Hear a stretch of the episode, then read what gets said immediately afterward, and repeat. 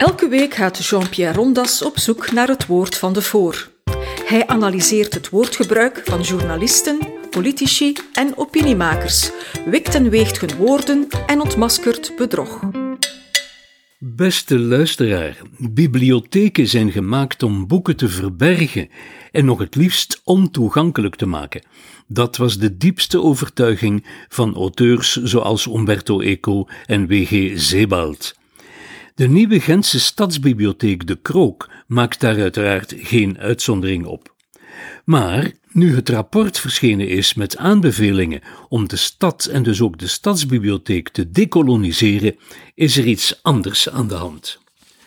Wat in dat rapport wordt voorgesteld is namelijk veel erger dan de gewoonte in inquisitie- en indextijden om boeken achter slot en grendel te zetten in een speciale kast of zelfs in een speciale aparte kamer.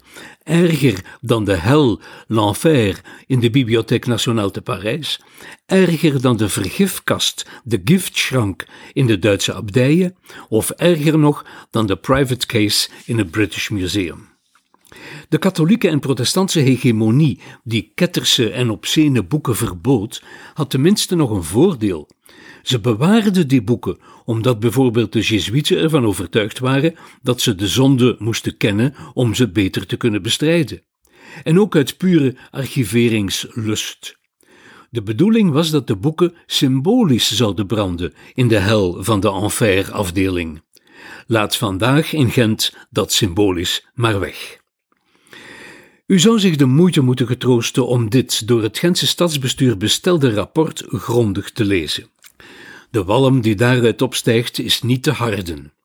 Het gaat ook om veel meer dan een bibliotheek alleen. Het is de hele mens, de hele maatschappij en uw hele geest die moeten gedekoloniseerd worden.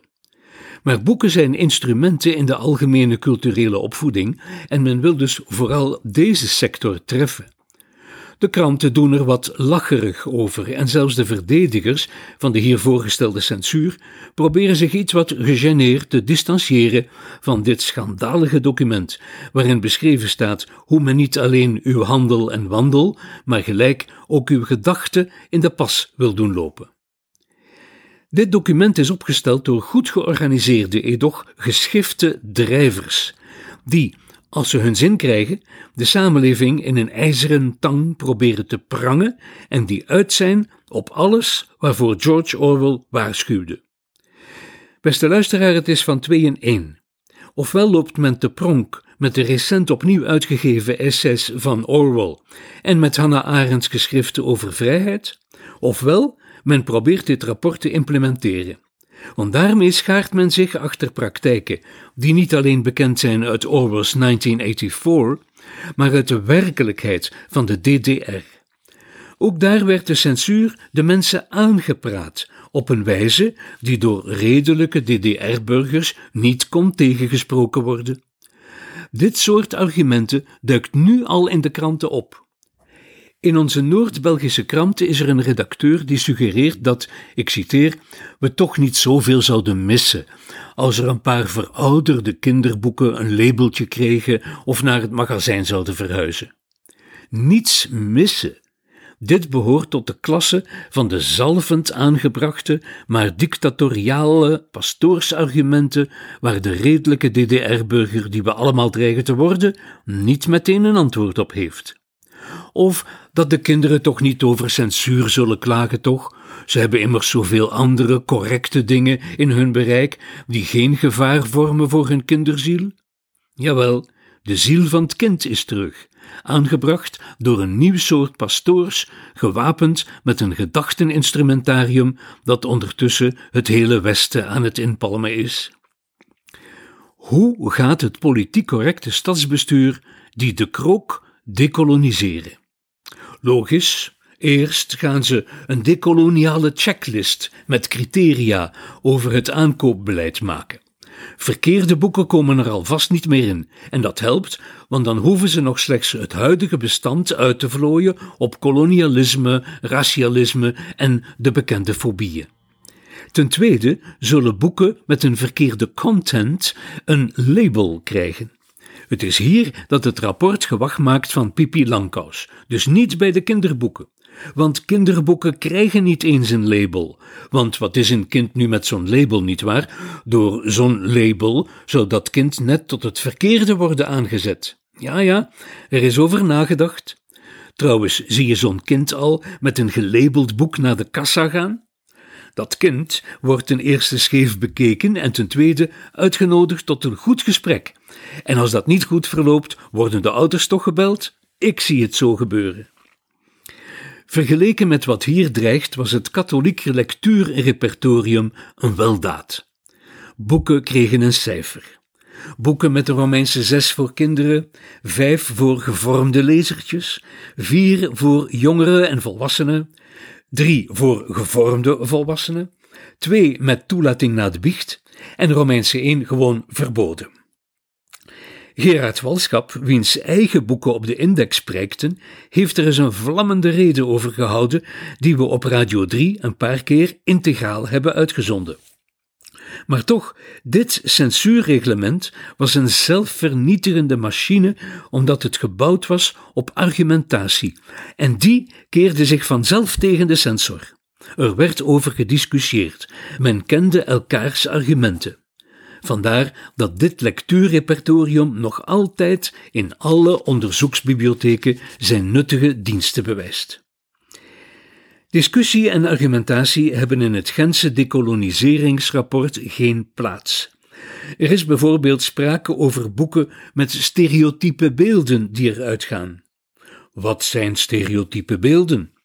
Ik had gedacht om u over deze kwestie te onderhouden aan de hand van stripverhalen met Afrikaanse mensen erin. Maar de tijd ontbreekt en dat wordt dus een leuk onderwerp voor volgende week. Met als motto het vers van Paul van Ostaaien uit het gedicht Oppervlakkige Charleston: De negers hebben dikke lippen. Lap, nog een boek om te labelen. Wie gaat dat allemaal organiseren? Wie gaat al die boeken lezen en uitvlooien op lelijke woorden en slechte gedachten? Een 20e eeuws censuurbureau, zoals in de film Das Leben der Anderen? Niet nodig. Onze literatuur- en geesteswetenschappers aan onze universiteiten doen vanzelf al weinig anders. Nu hoeven ze hun kennis slechts toe te passen in de praktijk, kunnen ze hun nut eens bewijzen. Werk dus aan de winkel voor Kif en Hand in Hand tegen Racisme. Verenigingen die het rapport bij naam noemt en aan wie alle vermelde taken uitbesteed kunnen worden. Outsourcing, nietwaar? Omdat, zo zegt het door de stad Gent bestelde en betaalde rapport, deze verenigingen al over boekenlijsten beschikken. Ik ril. Kif Kif en Compagnie gaan ook boekenclubs rond decolonisering organiseren. Misschien moeten mensen die gelabelde boeken naar huis willen meenemen, eerst langs zo'n sensibiliserende boekenclub passeren. Uitgevers ruiken onraad. Ja, maar, zegt de uitgever van Pipi Langkous, dat is geen koloniaal verhaal. Heerlijke onwetende, beminnelijke argeloze, die denkt dat alleen koloniale verhalen gedekoloniseerd moeten worden. Alles moet immers gedekoloniseerd worden, vooral als het niets met kolonies te maken heeft. Het gaat immers om uw westerse koloniserende geest, die alle niet-witte mensen racialiseert. En houdt u maar niet van de domme, want we hebben u al gevonden. Om al deze redenen is de wilde Arabist en wilde journalist Arthur van Amerongen op onderzoek uitgegaan en heeft hij het resultaat gepubliceerd in HP De Tijd onder de titel Don Arturo's top 100 van walgelijke kinderboeken die absoluut verboden moeten worden. Handig schrijft hij erbij voor de Sturmabteilung. Betaalmuur, jammer genoeg, maar ik heb het in print. Sam is dat, weet je wel?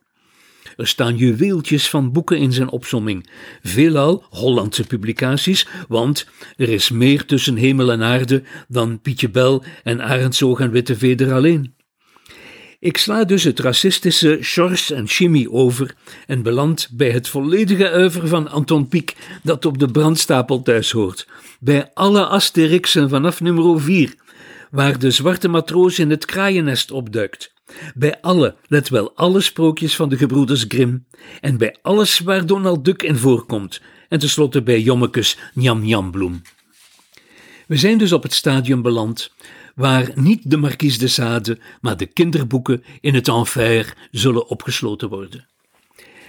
Op een activistische webstack van de stad Gent wordt er symbolisch gevraagd om de mensen tot meer actie aan te sporen. Wat bougeert er hier?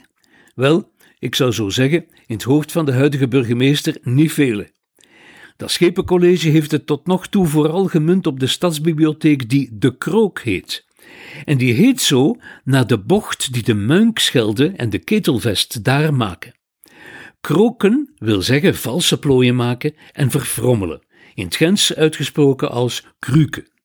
Pas op, dat is nog niet kraken, in het Gens uitgesproken als kroken. Ah wel, ik zal het een keer zeggen, zie. Dat schepencollege witte, Ulderijrse pannen is gekrokt en Ulderijrses zijn gekrukt. Dit was een episode van Doorbraak Radio, de podcast van doorbraak.be. Volg onze podcast op doorbraak.be/slash radio of via Apple Podcasts, Overcast of Spotify. Bezoek ook onze website op doorbraak.be en steun ons door een vriend te worden van Doorbraak.